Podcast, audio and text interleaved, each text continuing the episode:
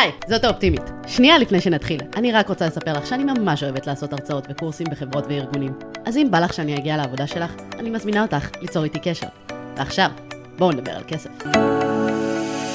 ברוכות הבאות וברוכים הבאים לעוד פרק של משקיע תקרא לאחותך. היום אני רוצה לדבר על נושא שהוא קצת פחות אה, אופטימי מבדרך כלל, אה, והרבה פעמים ביקשו ממני אה, לדבר עליו, כל הנושא של להתמודד עם גירושים, עם פרידה, כל הפן הכלכלי, אה, שאני חייבת לציין שזה משהו שאני לא מבינה בו יותר מדי, ולכן הזמנתי את אה, איה תמרי אה, לדבר על הנושא הזה. איה, אני הכרתי עוד בתחילת דרכי הפיננסית בתור מישהי שממש דיברה על עולם הכסף וכלכלת משפחה בגובה העיניים. היא יועצת ו- ומאמנת לכלכלת משפחה כבר 12 שנים. היא עובדת בקביעות עם חד-הוריות במסגרות של ויצו, והיא מרצה מטעם משרד המשפטים לאנשים שנכנסו לחדלות פירעון. ולמען האמת, היא עושה עוד כל כך הרבה דברים, אה, אבל אני חושבת שעדיף שכבר נשמע ממנה. אז אה, היי איה. אני מתרגשת להיות פה היום. מתרגשת שאת אה, באה, ויש לנו באמת נושא ככה שלצערי הרב משפיע על הרבה מאוד אנשים ורלוונטי אליהם. 40 אחוז מהזוגות במדינת ישראל מתגרשים. אה, 40 אחוז? אני הכרתי כן. סטטיסטיקה של 30 אחוז. אוקיי. ראיתי ביום שבת איזה כתבה בחדשות, וזה מה שאמרו שם.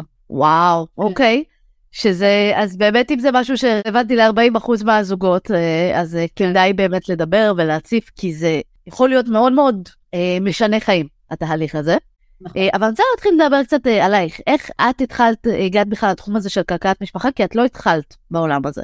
לא, אני עבדתי המון המון שנים, 22, במערכת הביטחון. לפני 13 שנים, קצת בערך 13 שנים, אני החלטתי שאני רוצה להתגרש, ועל הדרך גם רציתי לפרוש לפנסיה מוקדמת. הבנתי שאם אני, אני מתגרשת, אז אני לא יכולה להמשיך לעבוד בעצימות שבה עבדתי כשהייתי נשואה בגלל הילדות שלי, שהיו אז צעירות, והבנתי שאני רוצה לעשות משהו אחר, שאני יכולה להיות יותר אדון לזמן שלי, אה, אבל בגלל שכאילו הייתי במשבר, כן, רציתי להתגרש, אז הלכתי לעשות קורס יועצים לכלכלת המשפחה. הזאת. לא הייתה מחשבה שלי לעסוק בזה, הלכתי ללמוד את זה לעצמי, כדי לדעת איך לנהל לעצמי את מה שיהיה נורא פחד. היו שלושה דברים שפחדתי כשהתגרשתי. אחד, שאני אתחרט, זה לא קרה. השני, השריטה שאני עושה לבנות שלי, שהיא, שבסדר, את יודעת, עכשיו, אחרי, אה, בחלוף, בחלוף הזמן, בסדר. והדבר השלישי שהפחיד אותי היה הקטע של ההתנהלות הכלכלית, ואז הלכתי לקורס יוצאים כלכלת המשפחה, ואני חושבת שבשיעור השני או השלישי,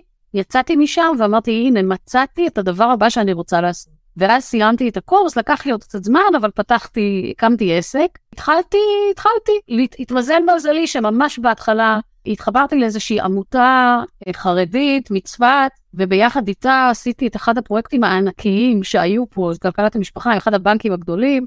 נסעתי בכל הארץ, הרצאות, סדנאות, פגישות עם זוגות, קילומטראז' אה, מטורף, גם באוטו וגם בניסיון שלי. וזהו, rest is history, מה שנקרא, אני אה, מאז אה, מלווה כל הזמן אנשים, מרצה, איפה שמזמינים אותי. אני עובדת הרבה באמת עם ויצו, עם, עם נשים, חד-הוריות מתגרשות, חד-הוריות מבחירה, כל מיני כאלה. במשרד שלי או בקליניקה שלי, או אני לא יודעת איך תקראי לזה, מגיעות אליי כל הזמן באמת אה, בעיקר נשים, לא גברים, בעיקר נשים, שרוצות להתגרש, או שכבר התגרשו ורוצות לעשות סדר, או שפתאום המציאות טופחת על פניהם. וזהו, זה, זה לא עיקר, זאת אומרת, אני עובדת גם עם הייטקיסטים, אני עובדת עם כל מיני אנשים, אבל זה נתח ככה מאוד נכבד מה, מהפעילות שלי. אה, אני מבינה, אני גם מניחה שמבחינת הסיפור האישי שלך, בתור מישהי שגם אה, עשתה את השינוי הקרייריסטי, שהוא לא כזה מובן מאליו, לעזוב את משרד הביטחון, טובת כן. להיות עצמאית, כאילו אחד המקומות הכי בטוחים תעסוקתית שאפשר. נכון. אה, לעולם לא בטוח של אה, להיות עצמאית, זה, זה דבר אחד. מצד שני, גם את עבר, עברת את הגירושים בעצמך, ואת פשוט אמרת מראש, אני אלמד איך לעשות את זה מבחינה כלכלית יותר נכון, כדי שאני לא אפול לבור הזה. עכשיו, מאיפה התוכנה נכון. הזאת הגיעה? כלומר, זה לא כזה מובן מאליו, רוב האנשים לא כל כך חושבים על זה ברגע שהם uh, רוצים להתגרש. נכון, וגם, אני חייבת להגיד שגם, את יודעת, זה יכול להיות גם כמה שנים אחרי שהתגרשת, יש, קורים כל מיני דברים בחיים, ואז צריך לחשב מסלול מחדש, וצריך יש כל מיני צמתים כאלה שפתאום, רגע, בואי, בואי נעצור רגע ונסתכל. אני יכולה להגיד לך שלפני כמה שנים, הגרוש שלי אה, עבר לגור בעיר אחרת, הוא גר לידינו והוא עבר לגור בעיר אחרת, ומשהו לא הסתדר עם הבת זוג שלו והבנות הגדולות שלי, והם פשוט הפסיקו ללכת אליו. עכשיו, לקח לי כמה חודשים להבין שההוצאות שלי גדלו ב-30 אחוז, כי הם היו כל הזמן בבית. קודם הם היו הולכות כל סוף שבוע שני, והולכות אליו באמצע השבוע, וארוחות ערב, וחשמל, ומים, הכל. לקח לי, זה לקח כמה חודשים עד שקלטתי שיש שינוי נורא משמעותי אצלי בהוצאות, זה לא, את יודעת, זה לא, זה לא, לא דבר שקורה ברגע, זה כזה... קורה לאט לאט, כן. לגמרי. אני יודעת, זה, כלומר, גירושים זה אחד הנושאים שהם הכי משפיעים כלכלית, ואני יכולה לספר בתור ילדה שכאילו חוותה גירושים, שכשההורים שלי התגרשו, והמקרה שלי הוא מאוד מאוד קיצוני, כי אבא שלי פשוט רוקן את חשבונות הבנק, עזב את הבית, נעלם, ועד היום לא כל כך יודעים איפה הוא, אבל כלומר, זה, היינו ממצב ש, שהיה לנו באמת מצב כלכלי מעולה, ומעמד אה, ביניים עליון נקרא לזה, ירדנו מאוד משמעותית לאמא שהייתה עקרת בית ונשארה פתאום עם ארבע בנות לבד אה, לגדל, ואבא שלא שילם מזונות, וכלומר, זה, זה פשוט שינוי כל כך דרסטי. נכון. אה, וכל זה, איך אפשר בכלל להתחיל להתמודד עם דבר כזה? כלומר, אז כשמגיעים אלייך זוג שעכשיו התגרש, או זה, איך את ניגשת לזה? אני רוצה להגיד כזה, אני אגיד איזה משהו קצת גורף, זה לא תמיד נכון, אבל אני חייבת להגיד אותו בשביל אלה שהם כן שמה. מגיעות אליי המון נשים שהן בגילי סביב ה-40 וזה לקראת ה-50, שכל השנים הם חיו, והבן זוג עבד והרוויח כסף, ואין, אני אומרת במרכאות, הרשו לעצמה לשחק. כאילו היה ביניהם איזו הסכמה שבשתיקה שהיא זאת שאחראית לילדים, אז היא פחות עבדה, ואם היא עבדה זה לא ממש עבדה, זה כזה חצי משרה, אם בכלל, יש גם כאלה שלא עובדות בכלל. נוצר איזה קרע בחיים שלהם, ועכשיו מתגרשים, ועכשיו אין מצפות מצד אחד שהוא ישלם מזונות, ומצד שני אומר תלכי לעבוד, לא עבדת כל השנים. ונוצר איזה מצב שגם הפערים ביניהם נורא גדולים, כי הוא מרוויח והיא לא, והיא כאילו, כדי להתגרש, היא כאילו נהיית אה, תלויה בכלכלית. אז אני מפה אומרת, כי אני, התפיסת עולם שלי תמיד הייתה שסוג של פמיניסטי, שלא להיות תלויה באף אחד, ואני אני, אני חושבת שזה תמיד נכון. מה גם שהיום, את יודעת, חל כזה שינוי בבתי המשפט לענייני משפחה, בנושא של משמורת ומזונות וזה, זה לא, לא כמו שהיה פעם. אה, נגיד שילדים היו עד גיל 6 בחזקתה הבלעדית של האימא, ותמיד היה מזונות וזה, היום זה לא ככה, היום בודקים את פערי ההכנסה, ו, וגם המזונות הם פחות, אה, פחות נדיבים ממה שהיה פעם, אה, ואני אומרת לכל אישה ש, שנמצאת במקום הזה, בין אם היא זאת שרצתה לעשות את זה, או בין היא, אם היא זאת שגרמו לה להיות בסיטואציה, לעשות כל מה שהיא יכולה כדי לא, לא להיות תלויה כלכלית באף אחד אחר. וכשמגיעה אישה כזאתי, אני יושבת איתה, וגם אם היא עכשיו לא עובדת, היא עובדת במשהו שהוא, שהוא לא מספיק, אני אומרת, קודם בואי נבין כמה כסף את תצטרכי, כי הרי מה קורה בגירושים? נאמר שהיו שתי משכורות, אחת יותר גבוהה, אחת יותר נמוכה, לא משנה, היה איזה סכום כסף שנכנס למשק הבית, ואיתו ניהלנו את הכל. ברגע שמתגרשים, אותו סכום כסף צריך לנהל שני בתים בעצם. נכון. ו- ו- וזה היה שמאוד יקר משתי משכורות לנהל בית אחד. בדיוק, ולפצל את זה לשני בתים זה בכלל. זאת אומרת, די ברור שבדרך כלל נאלץ לרדת ברמת החיים. עכשיו זה באסה, זה באסה. בטח שזה קורה בגיל 45 או 50, גם כשזה קורה בגיל 30, זה באסה. ולכן אני אומרת, יש לי יכולת לשלוט, לא שליטה מלאה, אבל יש לי יכולת להשפיע על זה בצורה מאוד משמעותית. זאת אומרת, להגיד לעצמי כן, אם אני עכשיו בשנתיים הקרובות צריכה לצמצם הוצאות כדי אחר כך להיות בתמיכה, זה מה שאני צריכה לעשות. אם אני צריכה לעבור לדירה יותר קטנה, ויהיו שני ילדים בחדר, לא יקרה להם כלום, ואני, ואני בטוחה שאת uh, מסכימה איתי, אורה. אני עכשיו, אה, את יודעת, בחודש uh, תשיעי, ברור לי שהילדים יהיו באותו חדר, כאילו. ברור, אז אני יכולה להגיד, תראי, יש שלוש בנות, 24, 22 ו-17. עד לפני פחות משנה, תמיד גרנו בדירה או בבית ששתי בנות היו בחדר אחד והשלישית הייתה בחדר משלה, וכבר ילדות גדולות. רק ב, בחצי שנה האחרונה אנחנו גרות בדירת חמישה חדרים שלכל אחת יש חדר משלה. בסדר? אבל עד אז זה לא ולא קרה כלום, הכל בסדר. הם אולי היו רוב קצת יותר, אבל לא קרה שום דבר. עכשיו, כשאני אומרת את זה בקבוצות שאני מעבירה לחד הוריות, הן נורא מתעצבנות עליי. אבל מה מסכנים הילדים? הם לא מסכנים. זה איך שאת משדרת את זה, ככה זה, ככה זה עובד. בסדר? מה, אם את שלמה עם הדבר הזה, ואת אומרת, זה הדבר הטוב ביותר בשבילי לעשות להם, כי אין לי כסף לשכור דירת חמישה חדרים, ובארבעה חדרים אני אוכל לתת להם יותר, אז תגורו בארבעה חדרים. הכל בסדר. זה, זה באמת עניין של שינוי מחשבתי, תפיסתי שלנו, שהוא נורא נורא חשוב. אז מתחילים שמה, מלהבין מה אני צריכה, כמה עולה לי, כמה עולה לי לגור, כמה עולה לי ארנונה, כמה אני קונה אוכל, מה הילדים צריכים, ומה הילדים צריכים, צריך להסתכל על זה גם בהסתכלות ארוכת טווח, כי אולי יש ילד שיצטרך בעוד שלוש שנים גשר, ואולי יש ילד שצריך משקפיים וצריך להחליף לו כל הזמן, הם יגיעו לגיל 16 וחצי, ירצו לעשות רישיון נהיגה, מי מממן את זה? זה משהו שצריך לחשוב עליו בשלב עוד לפני שמתגרשים, כשעושים את ההסכם, כדי לראות איך אנחנו, איך אנחנו מתייחסים לזה במסגרת ההסכם של הפרידה שלנו. זה קריטי. ואני חושבת שכשאני מבינה שההכנסה שלי היא X, ואני אקבל מזונות Y, אבל יש שם פער שאני צריך להשלים אותו איכשהו, אז יש שתי דרכים לעשות את זה. או לצמצם את ההוצאות שלי, שזה לא נעים ולא כיף. נכון. האופציה השנייה, שבעיניי היא האופציה הטובה יותר, היא להגדיל את ההכנסות. כל אישה שמגיעה אליי, כשאני מגיעה ומדברת איתה על זה, אנחנו מדברות על מה היא יכולה לעשות כדי להגדיל הכנסה. ואת יודעת את זה מצוין, אבל אני אגיד את זה, שלהגדיל הכנסה זה לא כזה דבר מסובך. אפשר, אפשר, צריך להיות נכון, יש לנו פרק 37, אנחנו מדברות על כל מיני סוגים להגדיל הכנסות, לא, לא חסר. בדיוק, בדיוק, צריך לפתוח את הראש, קצת להיות פחות מפונקות, להגיד, אוקיי, אני אעבוד שני ערבים בשבוע, הילדים הלכו לישון, אני אשב על המחשב ואעשה משהו. אני אעבוד בשישי בבוקר, במקום לשבת בבית קפה עם חברות. כאילו, יש מלא דברים שאפשר לעשות. צריך להיות קצת פחות מפונקות וקצת יותר להבין מה זה נותן לי, מה הבנפיט שיש לי מהדבר הזה. זה ייתן לי שקט? זה יעשה לי נעים? שווה את העניין. בפרק 42 ראיינתי מישהי שעשתה ממש אה, תהליך אה, כלכלי, והיא סיפרה על זה שגם היא התגרשה, והיא אמרה, אחרי הגירושים, פתאום השתנה המצב הכלכלי, היא עברה עם שני ילדים לדירת חדר. כן. כאילו, ואמרה, זה, עברתי לשם לשנה, אבל כי לא הייתה לי ברירה. ובשנה הזאת שהייתה שנה מאוד מאוד קשה, השקעתי המון בקריירה שלי, ואז אחרי שנה הגדלתי את ההכנסות ויכולתי לעז... אה, לעבור איזה, אה, אה, לדירה יותר גדולה, אבל היה לי מאוד חשוב את השנה הזאת, כמה שהייתה קשה, כדי להתאפס, להתאזן, ולא להיכנס פה לאיזה שהם חובות. עכשיו, נכון. שוב, כל אחת תוכל לעשות את הבחירה שלה.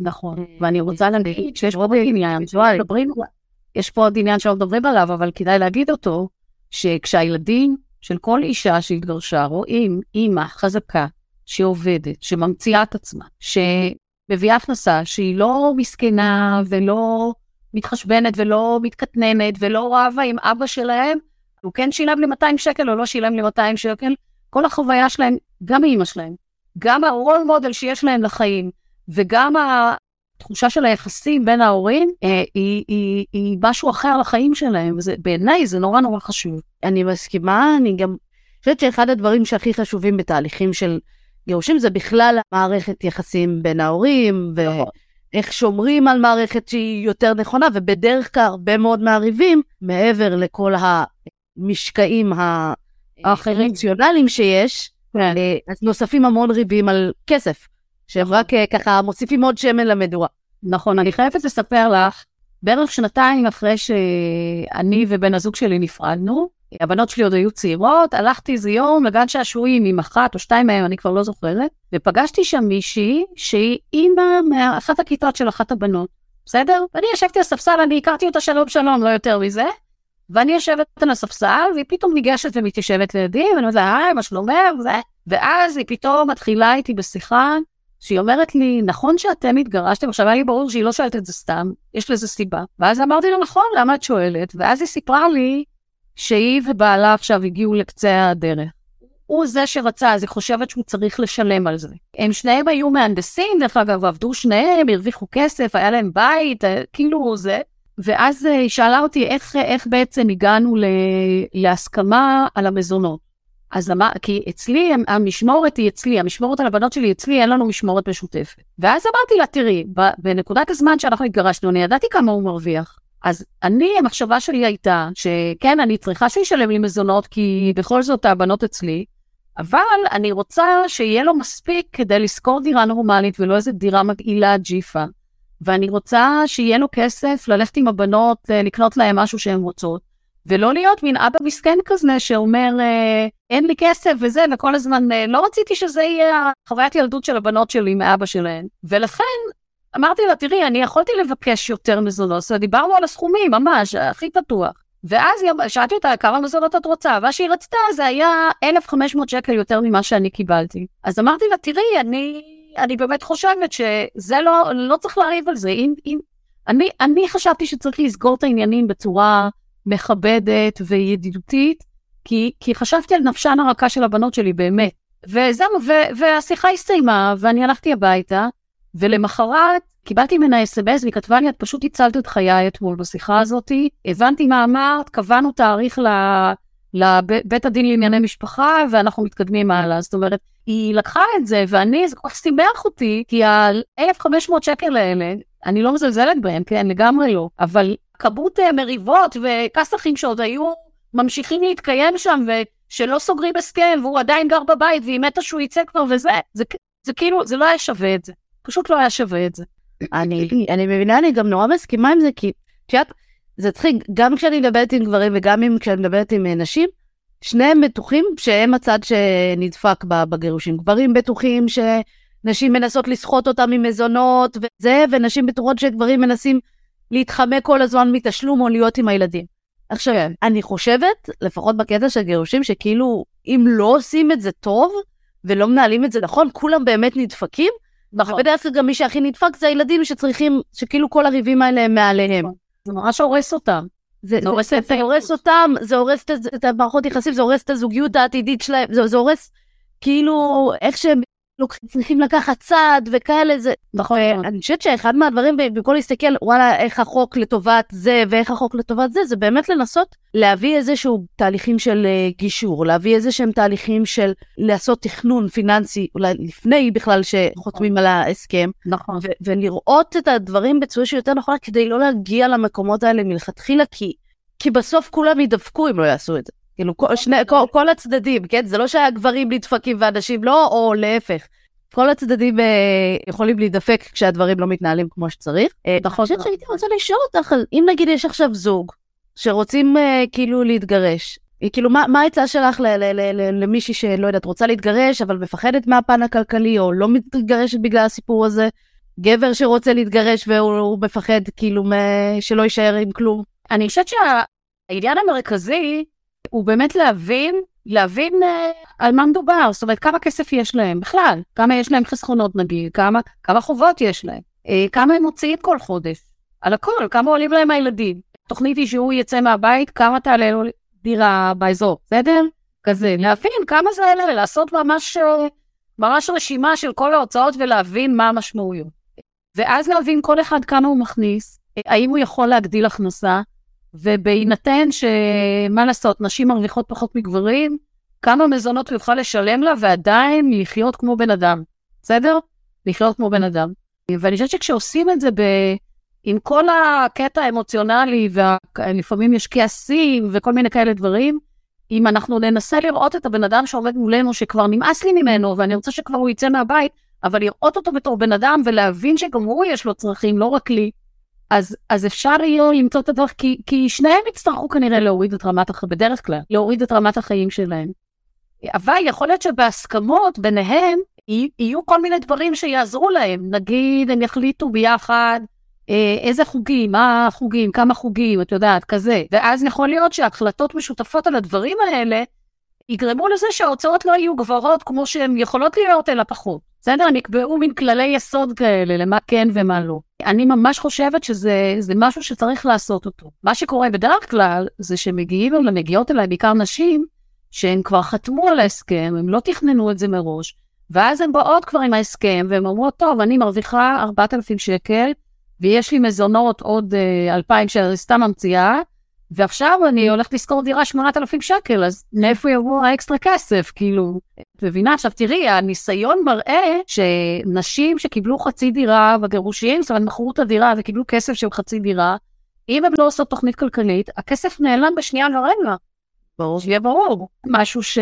שצריך להבין אותו, וצריך, וצריך להבין מה אני עושה עם הכסף הזה, איפה אני שמה אותו כדי לשמור על ערכו. ובכלל אני אומרת לאנשים שמתגרשים, שבשנה הראשונה אחרי גירושים, שלא יקבלו החלטות, החלטות uh, כבדות. תשהו בתוך המצב החדש שאתם נמצאים בו, כי את לא יכולה לדעת. יכול להיות שבאמת יהיו פתאום, לא יודעת, צרכים חדשים. פתאום אני צריכה ללכת לפסיכולוג, כי יש בי המון כעסים ואני צריכה להוציא אותם, לא יודעת. או שצריך לילדים לשלוח לפסיכולוג, כי קשה להם. בדיוק. ולכן, ולכן אני אומרת, בשנה הראשונה זה לא שנה לקבל החלטות משמעותיות. נגיד, לקנות דירה ולקחת משכנתה שאני קופצת מעל הפופי כי יהיה בסדר. זה טעות לעשות את זה, זה לא נכון. כלומר, צריך להתאזן, וכן אה, להגיד, בוא נראה איך אנחנו נתמודד בשנה הראשונה והכל. נכון, עכשיו, אה, כמו שאת יודעת, כשבונים תקציב, בכלל, כל משפחה שבונה תקציב, זה קצת ניסוי וטעייה, נכון? אנחנו אומרים, נכון. טוב, ננסה סופר 2,500, ואז אנחנו עושים חודש, ורואים שאנחנו לא יכולים עם 2,500, אנחנו יכולים עם 2,800. אז זה קצת ניסוי וטעייה הדבר הזה, ובטח, בטח, כשכל המצב של משק הבית שלנו משתנה, תחיו שנה בתור גרושים, בדירה שהחלטתם, אני לא יודעת מה, ו- ותראו תראו מה המשמעות של זה, כי אפשר לעשות תכנון, וזה סבבה, צריך לעשות תכנון, אבל הרבה פעמים המציאות עולה כל דמיון, והניסוי וטעייה הזה הוא נורא נורא חשוב. אוקיי, okay, זה יצא מעולה, כלומר, קחו את השנה הראשונה ניסוי וטעייה, לנסות, אם אפשר לראות שיש לנו איך להתמודד, איך להתנהל, לעשות איזושהי תוכנית כלכלית. יש איזה גופים או מקומות שעוזרים, שכדאי לפנות אליהם? אה, קודם כל, בטח. יש, קודם כל, יש את האתר המופלא של כל זכות, ויש שם section שלם שמתייחס לחד הוריים ולמשפחות ש, של גרושים, גרושות, ויש הרבה הטבות שמגיעות. בעיקר לגרושות, אבל גם לגרושים, כמו למשל, כשהיא גרושה ויש לה ילדים, יכולה לקבל מענק עבודה אם היא לא מרוויחה מספיק. מה שנקרא מס הכנסה שלילי, זה השם הלא politically correct שלו. ויש 20% הנחה בארנונה בכל העיריות. תלוי ברמות הכנסה, אבל לפעמים אפשר לקבל גם הנחה בחשמל וכל מיני כאלה דברים. ואפשר לקבל סיוע ממשרד השיכון. אה, שוב, זה תלוי ברמת הכנסה וכמות הילדים והגילאים שלהם וזה וזה, אבל בהחלט אפשר לקבל גם סיוע ממשרד השיכון. שזה דבר ש... שלפעמים, גם אם זה 700 שקל, זה יותר טוב. משמעות, זה יכול להיות משמעותי. כן, בדיוק. ולכן, לכן אני אומרת, צריך לנסות למצות זכויות, ובמקרה הכי גרוע אומרים לך לא מגיע לך. מה עוד אני אומרת תמיד? שצריך לנסות גם במקומות שזה לא משהו ברור, נגיד בצופים. הילדים בצופים מתחילים את השנה, צריך לשלם שם קרוב לאלף שקל לכל השנה, אז אם, אם את uh, פונה לגזבר השבט נקודתית ואומרת לו, תקשיב, אני התגרשתי עכשיו וזה, יש סיכוי טוב שתקבלי הנחה, גם אם זה לא משהו ממוסד, בסדר? את רושמת אותם לחוגים במתנ"ס ליד הבית, יכול להיות שאפשר לקבל הנחה, גם אם זה לא משהו, את יודעת, אה, רשמי כזה. נכון. האמת שאני חושבת על זה, אני זוכרת שגם אמא שלי כל הזמן הייתה, יש הנחה בתשלומי בית ספר, בכל מיני דברים כאלה. בתור כאילו חד-הורית, ובדרך כלל באמת היו נותנים לה. נכון, זה גם לא משהו להתבייש בו, כלומר, המצב השתנה. ממש. וזה הרבה יותר עדיף מאשר שהילדים לא יקבלו את זה בכלל. נכון, קוראים לזה מיצוי זכויות, ואני חושבת שמיצוי זכויות זה דבר שאנחנו צריכים ללמוד לבקש אותו. כי אם אני אחכה שיציעו לי, אף אחד לא יעשה את זה בשבילי. זאת אומרת, אני צריכה להיות פה מאוד אקטיבית, ואני חושבת שאם אני יכולה להקל קצת את המצב שלי, גם אם זה כמה מאות שקלים, הם עושים שינוי מאוד משמעותי במשפחה שככה שככה המצב הוא מה לעשות, זה באסה להתגרש, אין להם, אין מבחינה כלכלית. אני מאוד מקווה שאני לא איאלץ להשתמש בטיפים שאת נותנת בשום שלב. ואני מקווה בשבילך.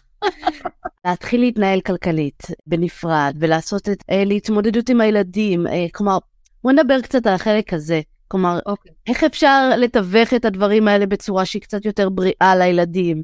אה, כי כאילו מצב כלכלי חדש ששני ההורים יורדים ברמת החיים. אז קודם כל, תראי, זה תלוי בגיל של הילדים, כי נגיד ילד בגיל חמש, לא הייתי מכניסה אותו ללחצים. אבל ילדים יותר גדולים, אפשר להגיד להם, תראו, אתם יודעים שהמצב בבית השתנה, יש לנו מספיק למה שאנחנו צריכים, לא להפחיד אותם. אבל כן להגיד, זה לא, זה יקר מדי, אי אפשר להזמין טייק אווי כל יום, כי זה הרבה הרבה כסף. אנחנו מבשלים בבית, תגידו מה אתם רוצים, נכין ביחד, לא יודעת מה, כזה, כאילו לעשות מזה משחק. וילדים יותר גדולים, בגילאי 15-16, בפירוש אפשר להגיד להם, אני לא יכולה להרשות, אני לא יכולה לממן את זה ואת זה ואת זה, אני לא יכולה. אין לי מספיק הכנסות. בסדר? ילדים גם בגילי 15-16 יכולים ללכת קצת לעבוד בשביל עצמם, את יודעת, לכל, ה, לכל הפינוקים שהם רוצים, ואנחנו לא תמיד יכולים לתת להם. זה בסדר, לא צריך להפחיד אותם, אבל צריך להסביר, צריכים להבין, זה חלק ממציאות חייהם, אין מה לעשות. הם חלק ממציאות חייהם. הדבר השני הוא באמת להגיד, אני עובדת הרבה שעות כדי, כדי שאני אוכל לאפשר לכם כל מיני דברים. זה בסדר להגיד להם את זה. זאת אומרת, אם הם מתלוננים שאת מגיעה מאוחר, או שהם לא רואים אותך, או שזה, נגיד, כן, אבל אני עושה את זה, אני עושה את זה בשבילנו, שיהיה לנו יותר, שיהיה לנו כיף. אז זה גם משהו שאפשר אה, אפשר וצריך לתווך אותו, צריך לדבר על זה. זה לא, זה לא, לא צריך להתבייש בזה, זה לא סוד, זה, אולי לא הייתי אומרת כמה אני מרוויחה, אבל בוודאי שהייתי אומרת, אין לנו, אין לנו להכל, יש לנו למה שצריך. מסכימה, אני זוכרת שכש...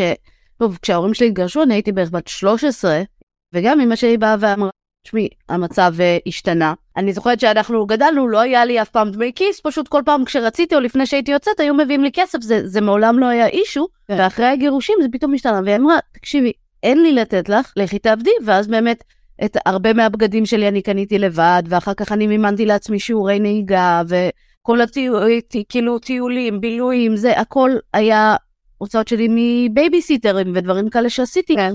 אמא שלי עשתה את זה ממקום מאוד מעצים, כלומר היא לא עשתה את זה ממקום של תקשיבו אין וכאילו אז תשבי בבית ותהיי מסכנה, היא אמרה וואלה את ילדה גדולה, את עצמאית, את יכולה לדאוג לעצמך, אני סומכת עלייך. נכון. נכון, את יודעת, אני, עברתי עם הבנות שלי לגור באיזה בניין כזה גבוה לפני uh, כמה חודשים, והקטע המשעשע הוא שאני לא מכירה פה את השכנים, יש פה 200 שכנים בערך, אני לא מכירה אף אחד, כי אני יוצאת בבוקר, חוזרת בערב, אני, מי שאני רואה במעלית, לא זה, אבל הבת הצעירה שלי, שהיא בכיתה י"א, היא יורדת עם הכלב, ואז היא מכירה שם כל מיני אנשים עם כלבים, וכל מיני אימהות שמחפשות בייביסיטר, והיא, אני כל הזמן צוחקת שהיא מרוויחה פה יותר מכולנו, כי היא עושה בייביסיטר ו dog walking וזה, כאילו היא כל הזמן מייצרת הכנסה, ואני כל הזמן אומרת לה כמה אני גאה בה שהיא עושה את זה, לא בגלל שהיא חייבת, כן? זה לא שאמרתי לה, תלכי לעבוד, ממש לא. כאילו, אני יותר חושבת שתשקיע עכשיו בבגרויות, אבל היא אומרת, זה הכסף שלי, אני קונה בו מה שאני רוצה, וזה מאוד מאוד מעצים. הידיעה שאני מסוגלת לייצר לעצמי הכנסה. אני חושבת שזה נורא חשוב. אני גם חושבת שזה נורא חשוב, זה קריטי, זה גם בונה מישהי לעתיד שתדע לדאוג לעצמה. כי גם ראיתי לא מזמן בקבוצת פייסבוק שלי מישהי שפרסמה באופן אנונימי שהיא התגרשה, היא בשנות ה-50 לחייה, והיא כאילו כל השנים טמנה את ראשה בחול ולא התעסקה בכסף והוא ניהל את הכל והיא אמרה עכשיו כאילו כמה שנים אחרי הגירושים אני רואה אותו חי ברמת חיים מאוד מאוד גבוהה ואני לא ידעתי אפילו כמה הוא מרוויח לא ידעתי כמה כסף יש לנו לא התעסקתי. כן. וברור לי שהוא לקח חלק הרבה יותר גדול ממה שהוא היה והוא החביא כספים כן. ואני והילדים ברמת חיים הרבה יותר נמוכה. כאילו וזה עצוב וזה זה, זה, זה, זה עצוב אני חושבת שדווקא ילדים שלומדים מלכתחילה לדאוג לעצמם ולנהל כלכלית ולהתנהל עם כסף גם מגיל מאוד צעיר. כלומר, אני די בטוחה שאם לא הייתה לי את החוויה הזאת, שאני הייתי צריכה ללכת ולנהל את הכסף בעצמי ולדאוג, אני חושבת שהחיים שלי היו נראים אחרת לגמרי מאיך שהם היו היום. אני בטוחה. אה, זה אולי הגישה האופטימית יותר, שאומרת שבכל משבר יש אה, הזדמנות ושני הצדדים יכולים לצמוח וזה. אני אשמח ככה לשמוע סיפורים של דברים. אני חייבת לספר לך. לפני כמה שנים עשיתי הרצאה באיזה בנק, באיזה סניף של בנק, אה, ביחד עם איזה חברה שלי שהיא גשרת זוגית, בסדר? היא עורכת דין ולענייני משפחה ומקשרת זוגית. וכאילו אה, קראנו להרצאה, זה היה הרעיון שלי, גירושים כהזדמנות כלכלית. עכשיו, הקטע היה שהסניף של הבנק פרסם את זה, כמעט רק גברים, הגיעו איזה שלוש נשים ובעיקר גברים, גירושים כהזדמנות כלכלית. אני כמובן אומרת, זה הפוך על הפוך. למה בעיניי זה הפוך על הפוך? כי זה לא הזדמנות כלכלית באמת, זה די באסה, זה לא בוננזה להתגרש. מצד שני, אני חושבת שזה בונה את האנשים שזה קורה להם להיות יותר על זה, מה שככה לפעמים אנחנו משחררים, אני אומרת שהוא יעשה את זה, ואני לא מתעסקת עם זה. והקטע הוא, את יודעת, אני רואה בקבוצות של האנשים שנמצאים בחדלות פירעון, שיש שם הרבה אימהות חד-הוריות, והקטע הוא שהן יודעות כל שקל לאן הוא הולך. לא משנה שהם הגיעו לחדלות פירעון מסיבות אחרות, אבל כאילו המציאות לא אפשרה להם לעשות משהו אחר. את מבינה? אם הם לא היו על זה, זה ממש עניין הישרדותי בשבילהם. ולכן אה, אני חייבת לומר שאני כן רואה בזה סוג של, המשבר הזה סוג של הזדמנות להפוך את החיים שלי, לעשות אותם, אפילו לעשות אותם טובים יותר, בהיבט שעכשיו אני מבינה שאני צריכה להגדיל הכנסה, אז אולי אני עושה את החיים שלי הרבה יותר טובים כי אני מגדילה הכנסה. אולי אני אגיע למצב שיש לי יותר ממה שהיה לי קודם. ויש כאלה, אני חושבת שזה לגמרי אפשרי, כי גם לפני כן, הרבה פעמים בהתנהלות זוגית, יש צד אחד, שלצערנו זה עדיין הרוב אה, הגברים, שמנהלים את הכסף, וצד אחד שאומר, אוקיי, אני אתעסק בדברים אחרים. כן. וההתעסקות בכסף היא לא תמיד הכי כיפית, זה לא כזה מרגש לשבת ולעשות תקציב, כאילו, אני בטוחה שתסכימי איתי. נכון? בדיוק כמו שאנחנו צריכים לאכול בריא ונכון ולא לאכול ג'אנק כל היום. ולעשות כביסה ולקפל ולעשות כביסה או כלים. זה לא כיף, אבל זה חלק מהחיים. אבל אין מה לעשות, נכון, את יודעת, פעם הגיעה אליי מישהי, אחותה הביאה אותה אליי. היא באה אליי, עמדה להתגרש ממישהו שהיה לה הסכם המון איתו. עכשיו, כשהיא הכירה אותו, הוא החתים אותה על איזה הסכם, אמרה, אני לא הסתכלה, פשוט חתמה, שזה גם שטות, אבל אני שמה את זה רגע בצד. ואז הם גרו בדירה שהייתה שייכת לו. הוא במהלך השנים, הם היו נשואים, נגיד 13 שנים או 14 שנים, משהו כזה. במהלך השנים האלה היה לו עסק משגשג, אבל בהסכם המון היה כתוב שכל הרווחים שלו מהעסק יישארו אצלו, והוא פשוט, הוא קנה דירות, רשם אחת על אמא שלו, אחת על אחיו, אחת זה, כזה. ואז שהם התגרשו, לא, היא יצאה מה, מהנישואים האלה עם התחתונים בערך, בסדר? ועם שני ילדים. והיא באה אליי, כשהיא כל השנים, הוא רצה שהיא תטפל בילדים, זאת אומרת שהיא לא תלך לעבוד וזה, אז היא עבדה באיזה שמינית משרה באיזה משהו. מצד שני, הוא התעקש כל השנים שיהיה להם חשבון משותף, שבו כל אחד מהם מעביר באופן שוויוני איזה סכום, לא יודעת, 4,000, 5,000 שקל. עכשיו, היא לא הרוויחה כל כך הרבה, אז בגלל שככה הוא דרש שזה יהיה במהלך השנים שהם חיו ביחד, אז אימא שלה הייתה עוזרת לה כל חודש, משלימה לה. את צריכה 2,000, הייתה מעבירה לה 2,000. את צריכה 1,000, הייתה מעבירה לה 1,000 כדי שיהיה את הסכום שהם קבעו בחשבון המשותף, בסדר? מה שקרה זה שהיא הגיעה אליי, משהו זה מזעזע בעיניי, היא הגיעה כן. אליי והיא הייתה כאילו, אמרתי, הייתי, הייתי בהלם ממנה שהיא, שהיא אפשרה לזה, זה, אבל מה שקרה זה שהיא הבינה פתאום שעם ההסכם ממון הזה שהיא חתמה עליו בלי לקרוא אותו, כי היא הייתה כל כך מאוהבת בו וכל כך כבר רצתה להתחתן איתו וזה, היא הבינה שהיא צריכה להתאפס על עצמה. עכשיו, היא כבר הייתה בת 45 או קרוב ל-50. אמרתי לה, את חייבת למצוא משרה שנותנת לך הכנסה קבועה. מצאה משרה, כאילו היא ממש לקחה את זה זה, ואז היא הייתה מעצבת גרפית במקצוע, למרות שהיא לא עבדה בזה, היא עשתה משהו אחר. ואז שאלתי אותה, כאילו, בואי נחשוב מה את יכולה לעשות uh, עוד. אז היא אמרה לי, אני יכולה לעצב מצגות. אמרתי לה, סבבה, תהיי חברה שלי בפייסבוק, ואני זוכרת שהיו תקופות שבכל הקבוצות של העצמאים חיפשו מישהו שמעצב מצגות, הייתי מתייגת אותה. וכל פעם הייתה אומרת לי, אוי, תודה, אוי, תודה, כי היא קיבלה ככה עבודות וזה. היום היא בכלל מתעסקת במשהו אחר, אני רואה אותה בפייסבוק, ופעם ב... אני גם כותבת לה בפרטי, שאני ממש מרגישה פה איזה אימא אבזה גאה, שאני רואה, רואה לי התקדמה, כי היא עובדת ומתפרנסת, ו- וזה פשוט, את יודעת, העיף אותה 200 קילומטר קדימה, המשבר הזה. זה, זה כל כך מרגש אותי לראות אותה במקום שהיא נמצאת בו היום, זה, זה נפלא. היא פשוט לקחה את זה ועשתה לי איזה הזדמנות של חייה. אתה, לא, זה, זה סוף מדהים, הסיפור עצמו מזעזע בעיניי, כי את יודעת, אני מסתכלת על הבן אדם ואומר, סבבה, מילא, אל תיתן לאישה, התגרשתם, אתה לא חייב לה כלום, אבל... אבל הילדים... מזונות לילדים, כן, דירה לילדים לתת להם, משהו כאילו... לא עניין אותו. לא עניין אותו, אבל בסדר, את יודעת, יש כל מיני אנשים. אני רק רוצה להגיד באמת פה לבנות ששומעות אותי, שאולי הן לא נשואות או הן מתכננות או אני לא יודעת מה, הם רוצים להחתים אתכן על הסכם ממון, שזה בסדר גמור דרך אגב. לגיטימי גם לדעת. בסדר, אבל אל תחתמו על שום דבר לפני שאתם מתייעצות עם עורך דין, כי לפעמים יש כל מיני סעיפים שפשוט uh, לא כדאי שתחתמו עליהם, זה הכול. שעין מקצועית תראה את זה לפני שאתם חותמים על משהו, ויכול להיות שבעוד כמה שנים תצטערו על זה מאוד. נכון, אני מסכימה לגמרי, ואני גם טוענת ש... שוב, אני בגישה של מאוד... Uh, עצמאות, כלומר תדאגי שתמיד כן. תשמרי על היכולת שלך להתפרנס ועל היכולת שלך אה, להרוויח ושתהיה לך עדיין את הקריירה שלך, לא משנה, גם אם הוא מולטי מיליארדר והכל, אה, כן. שאת לא תצטרכי ממנו שום דבר, אבל בעיניי, כן, כאילו, אם הבאתם, החלטתם החלטה משותפת להביא ילדים לעולם, אז גם יש לו את החלק בלדאוג להם. בוא נגיד בהסכם המון זה משהו שהייתי דורשת ומתעקשת. את יכולה לא לקבל שקל בעצמך, את ילדה גדולה, את יכולה לדאוג לעצמך, אבל לילדים, אני לא הייתי מסכימה שמישהו ישאיר אותם בלי כלום. שוב, אולי בגלל החוויה האישית שאני חוויתי, אבל... לא, את לגמרי צודקת, זה, זה נראה לי נורא נכון והוגן, ילדים הם של שני הצדדים. לגמרי, לגמרי. זה, זה, זה באמת מהדברים שחשובים, והייתי רוצה גם לדבר על הצד של הגברים בעניין. גברים אה, גרושים, והרבה פעמים לפעמים אה, הם פחות באים לייעוץ כלכלי ממה שאת אמרת. אחרי... אחרי הגירושים, והם הרבה פעמים מוצאים את עצמם, כאילו, אם לא היה להם עורך דין כמו שצריך, או לא יודעת מה, קצת... זה, מוצאים את עצמם כמו, כמו שאת תיארת את המישהי שבאה וסיפרה שהיא נורא רוצה שהוא ישלם הרבה מזונות וזה, ומוצאים את עצמם שרוב המשכורת שלהם הולכת על מזונות ולהם לא נשאר ממה לחיות. נכון. אני רוצה להגיד כזה דבר, אני חושבת שבמהלך השנים אני יעצתי לנשים שהתגרשו או מתגרשו למאות, מאות.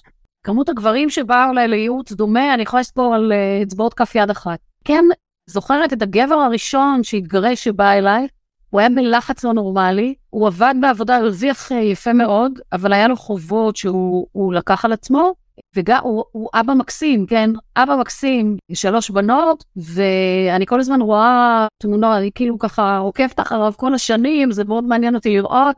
הוא פשוט אה, קסם של בן אדם מאוד משפחתי כזה, ומה שהיה זה שלמשל, אני לא יודעת אם את יודעת, אבל גברים שמשלמים מזונות, מגיעה להם נקודת זיכוי במס.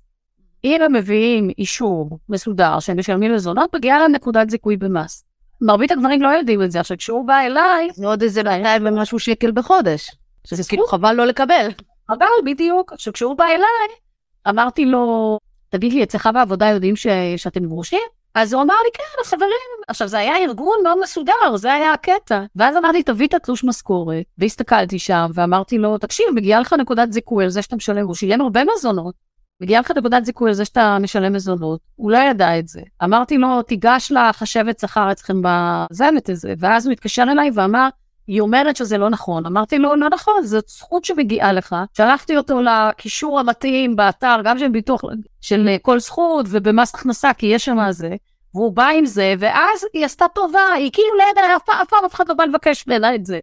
אז היא עשתה טובה בסדרה, והוא קיבל גם החזר מס, שזה היה ככה סכום כסף נאה, אז, אז יש את זה. אבל כן, אני חושבת שזה בכלל ההסללה שאנחנו אה, חווים כחברה, שגברים הם, הם חושבים שהם מבינים, או מסלילים אותם לזה שהם יחשבו שהם מבינים בכסף. שפחות לא, פחות נותנים לגברים לגיטימציה לבקש עזרה, כי אישה זה נורא נכון. קל ומובן מאליו שתבקשי עזרה כשקשה. גברים נכון. יש מעין ציפייה מהחברה שיהיו חזקים ויצליחו להתמודד עם הכל לבד. נכון, נכון. ו- ולכן, לכן באמת אה, הרבה פחות מגיעים. אבל השלושה או ארבעה שכן הגיעו, באמת הגיעו ב... במין צומת כזה, ש... שכאילו הם הרגישו שכבר אין להם מה לעשות, למרות שהמצב לא היה כזה נורא כמו ש... זאת אומרת, שבאנו ועשינו שיקוף, ראינו שזה לא כזה נורא כמו שהם מציגים אותו, כמו שהם רואים אותו בעיניהם, אבל בפירוש, הקטע הזה שהם באו, זה היה מין סוג של, אה, אוקיי, עוצרים עכשיו, רגע עושים חשיבה מה לעשות. הבוקר ישבתי עם מישהו שאמרתי לו, תקשיב, זה נחמד שאתה עובד בעבודה, שאתה מרגיש שאתה שאתה עצמאי ומממש את הייעוד שלך, אבל אתה חייב להגדיל את ההכנסה שלך. אז לא אכפת לי ממה תגדיל את ההכנסה שלך, אבל אתה חייב לעשות את זה, וזה מה שיפתור את העניין. זאת אומרת, המצב לא כזה גרוע כמו שאתה מציג אותו, זה הרבה פחות גרוע, פשוט בוא תגדיל הכנסה, וממש אחרי, לא יודעת, שעה, או כנראה שזה היה, סליחה, בעיטה בתחת שהוא היה צריך, כי אחרי שעה הוא סימס לי איזה פלייר שהוא שלח לכל מיני זה, ועוד כמה דברים שהוא עשה, וכאילו זה נתן לו איזה מוטיבציה לעשות משהו, וכאילו הדברים יזוזו, אני, אני מאמינה שהם יזוזו, אני עוד אעקוב אחריו כמובן, ונראה לאן זה הולך. אני רוצה כאילו לדברים שכן מאזינים, להבין שיש פה איזשהו משבר, יש פה צומת דרכים מאוד uh, בעייתית, שזה לגמרי לגיטימי לבוא ולהתמודד עם זה, כי זה שינוי מאוד משמעותי בחיים. נכון, לא משכנעים ולא מתכוננים, זה יכול, זה מתדרדר, זה פשוט יכול לדרדר את מצבנו. אם הייתי ככה רוצה לסכם, הייתי אומרת שהדברים שהם חשובים לזוג שהוא עכשיו לקראת גירושים, הוא מבין שזה מה שצריך לעשות, ללכת לעשות איזשהו תכנון פיננסי ולראות איך מנסים לסגור את זה כמה שיותר יפה מכל הצדדים, ולנסות להבין עלויות, כל דבר מה יהיה, ומי שכבר עבר את התהליך וזה מה יש, כבר הסכם סגור והכל, כן אה, אה, לנסות לראות איך אנחנו מורידים הוצאות ומגדילים הכנסות. וממצים כמה שיותר את הזכויות, שזה לדעתי, את יודעת, גם דברים שאני לא ידעתי, ההנחה בארנונה, להתחיל לבקש הנחה על כל דבר, אה, אה, על חוגים לילדים, על דברים כאלה שיכול להיות שאם נבקש באמת נקבל, וזה לא בושה לבקש, אני תמיד מבקשת אה, הנחה מכל בית עסק, מקסימום יגידו לי לא, הכל טוב, אין פה שום בושה, ויש גופים ויש אנשי מקצוע ויש אנשים כמו איה ומתכננים פיננסיים כאלה ואחרים שיכולים לעזור, ו... זה, זה שווה כאילו זהב, כי זו תקופה שהיא כבר כל כך קשה, אה, וכל כך אה, מאתגרת עם כל כך הרבה שינויים.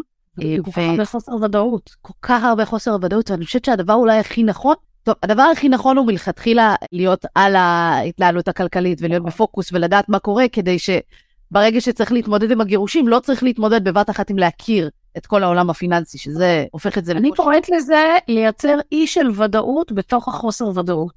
זאת אומרת, כשאני, כשאני מבינה מה אני אצטרך עכשיו, וגם כמה כסף יש, כי יש כל מיני קרנות וחסכונות וכאלה דברים. אז כשאני מבינה מול מה אני מתמודדת, אז אוקיי, יש לי הרבה, יש לי מעט, זה כבר עניין של איך אני מסתכלת על הדברים, אבל זה יכול לעזור לי לתכנן קדימה. ואם אני לא יודעת את הדברים האלה, אני לא יודעת את המספרים, אז אני, החוסר ודאות הוא הרבה יותר גרוע, ובתקופה הזאת שמתגרשים, יש את כל הקטע האמוציונלי, והילדים, והפחדים, והחששות, גם האי-ודאות הזאת זה כאילו too much to handle. נכון. זו תקופה שמאוד uh, קשה, ראיתי את זה, זה נתון סטטיסטי שאומר שמעל ל-90% מהאנשים יצטרכו uh, uh, לנהל את הכסף שלהם לבד באיזשהו שלב, uh, גם בגלל ש... כן, חיות יותר, אז רוב הסיכויים שגם אם את בזוגיות מדהימה ולא התגרשת וזה, רוב הסיכויים שאת תחיי יותר שנים ממנו, ואז בשלב שאיבדת את אהבת חייך, את מי שהיה לצידך כל, כל החיים, את פתאום צריכה להתנהל ול... אני חייבת לספר לך משהו לסיכום על זה, זה לא קשור לגרושים, אבל את חייבת לספר. היה איזה זוג מבוגרים, שהייתי רואה אותם כל יום שישי בקפה שהייתי שותה קפה על הבוקר לפני שהייתי בתחילת היום שלי. ויום אחד הוא נפטר, הוא היה כבר מאוד מבוגר והוא נפטר. איזה שבועיים אחרי זה הייתה איזה כתבה איתי בממון, משפחה בצמיחה, כאילו זה, הייתה תמונה שלי בעיתון. ואני הולכת ברחוב ואני פוגשת אותה, והיא אומרת לי, איה, עכשיו אני יודעת מה את עושה, תשמעי, אני כבר בת 84, אין לי מושג איפה הכסף נמצא, באיזה בנק, אני לא, הוא תמיד טיפל בהכל, הוא נפטר, הוא כבר נהיה סיעודי קצת לפני זה, הוא נפטר, ואני, אין לי מושג מה לעשות. היא אמרה לי, אני באה אליי, אישה בת 84.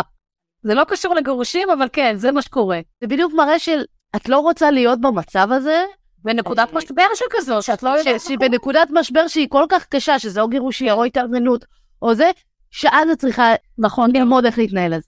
נכון. זוגיות מאושרת ומדהימה, והכל טוב, או אפילו רווקה ואבא מסדר לך את כן. הכסף. מתישהו את תצטרכי להתמודד עם הכסף הזה נכון, לבד, נכון, נכון. כל העולם הזה, ואם תתחילי לעשות את זה כבר מעכשיו, תוכלי לחסוך לעצמך המון כאב ראש והמון צער בעתיד, ולא רק כאילו זה, אלא גם להפוך את העתיד הכלכלי שלך להרבה יותר טוב, כי את תהיי על זה ואת תדעי מה קורה. בדיוק, בדיוק. אני חושבת שזו העצה הכי טובה, כלומר, תתחילו לנהל את הכסף שניכם ולהיות על זה ולהתנהל עם תקציב ולהשקיע ולהתנהל נכון כלכלית בשוטף הרבה הרבה לפני שהתגרשתם, כי אז כשתתגרשו זה יהיה דבר אחד פחות לדאוג לו. בדיוק, אני מסכימה איתך לחלוטין. מצוין, אנחנו ככה לקראת אה, סיום, האם יש לך איזה שעצה, טיפ, משהו שחשוב לך להגיד למאזיני ומאזינות אה, הפודקאסט שלנו? אני רוצה להגיד, אה, אני אגיד את זה בהקשר הזה של הגירושים, שגם אם המחשבה רק מתחילה להסתובב לכם בראש, עוד לא עשיתם כלום, אבל תתחילו, תתחילו, תתחילו להבין מה, מי נגד מי בקטע הזה של הכסף. יכול להיות שאם תבואו ביחד לייעוץ, יכול להיות שהרבה מה, מהסיבות לגירושים, את יודעת ש-70% מהזוגות שמתגרשים, מתגרשים בגלל שיח לא טוב על כסף. אז יכול להיות שאם תבואו ותעשו, כן, אם תבואו ותעשו איזה, איזה, איזה משהו ביחד, יכול להיות שחצי מהוויכוחים והמריבות שהם על כסף אה, ייעלמו, ואז יכול להיות שהזוגיות יכולה להשתפר אפילו, ולא תגיעו למצב של גירושים. אז זאת העצה הידידותית שלי לכם. שזה מדהים, ואנחנו בעד שזה יהיה מצב, וואו, 70 אחוז מה... מהזוגות שמתגרשים, נושאים פיננסיים, וואו, זה מטורף. תשמעי, אני כאילו חושבת שזה גם עצה נורא נכונה, כי זה ווין ווין לא משנה מה. נכון. גם אם זה לא הציל את המערכת יחסים, עדיין זה גורם לזה ש... התנהלות תהיה יותר טובה, שניהם ידעו בדיוק מה יקרה, וזה ככה נכון. בסיס ליכולת יותר טובה גם להתנהל אחר כך. לבנות את התחושת מסוגלות הזאת שאני מסוגלת לבד, אני תמיד, לא משנה במה. זה, זה, זה משהו שהוא כל כך חשוב בכל משבר שאת, אה, שאת חווה, שאת אומרת, אני מסוגלת להתמודד עם זה, בסדר, משבר, לא נעים, זה לא קל, יש פה כל מיני כאילו מין במפרים כאלה בדרך, אבל אני מסוגלת להתמודד, יש לי, יש לי את החוסן הזה. זה בעיניי קריטי בכלל. אני מסכימה לחלוטין, זה קריטי, זה מאפשר להתמודד עם הכל, ובסוף גם זה מקל כל כך הרבה תחומים אחרים בחיים, נכון, אז אה, נכון יש ממש אה, תחושת מסוגלות מאוד גדולה, שאת יודעת שלא משנה מה יקרה, אוקיי, אז אני יכולה להגדיל את ההכנסות, אז אני, יש לי מקורות הכנסה אחרים שעובדים בשבילי, ויש נכון. לי את היכולת להמציא את עצמי מחדש. לא משנה מה יקרה, אני מסוגלת להתמודד עם זה. נכון. אני קצת... זה יותר קל כשיש כסף וכשיודעים להתנהל איתו, אז אה, נכון, זה... נכון. עשו את זה. לגמרי, לגמרי. מה שנקרא, אני מאוד מקווה שאתם לא צריכים להיעזר בשירותים של איה כדי להתמודד עם גירושים, אבל אם כן, אני שמה לכם את האתר שלה למטה, אה, שתוכלו ליצור איתה קשר. אה, איה, המון המון תודה. תודה לך. שחלקת את הידע פה וזה, אני חושבת שלמדתי המון ואני מקווה לא ליישם כלום. גם אני. אני מקווה שבפעם הבאה שאני אפגש את כבר תהיה עם עוד בייבי אחד בידיים. סביר מאוד להניח, סביר מאוד להניח. תודה רבה לכם שהאזנתם, אנחנו נתראה בפרק הבא, להתראות.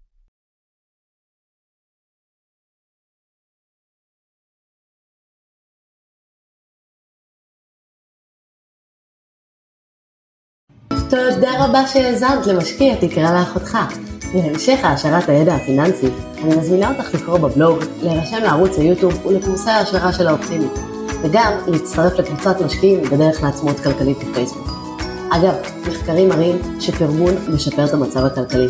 כן, כן, דירוג הפודקאסט או עמוד האופטימית בפייסבוק יאפשר לך גם לפרגן וגם לעזור להעביר את המידע הלאה. כל הכישורים שדיברנו עליהם נמצאים בתיאור הפרק, אז בלי תירוצים, הגיע הזמן למעשים. נתראה בפרק הבא.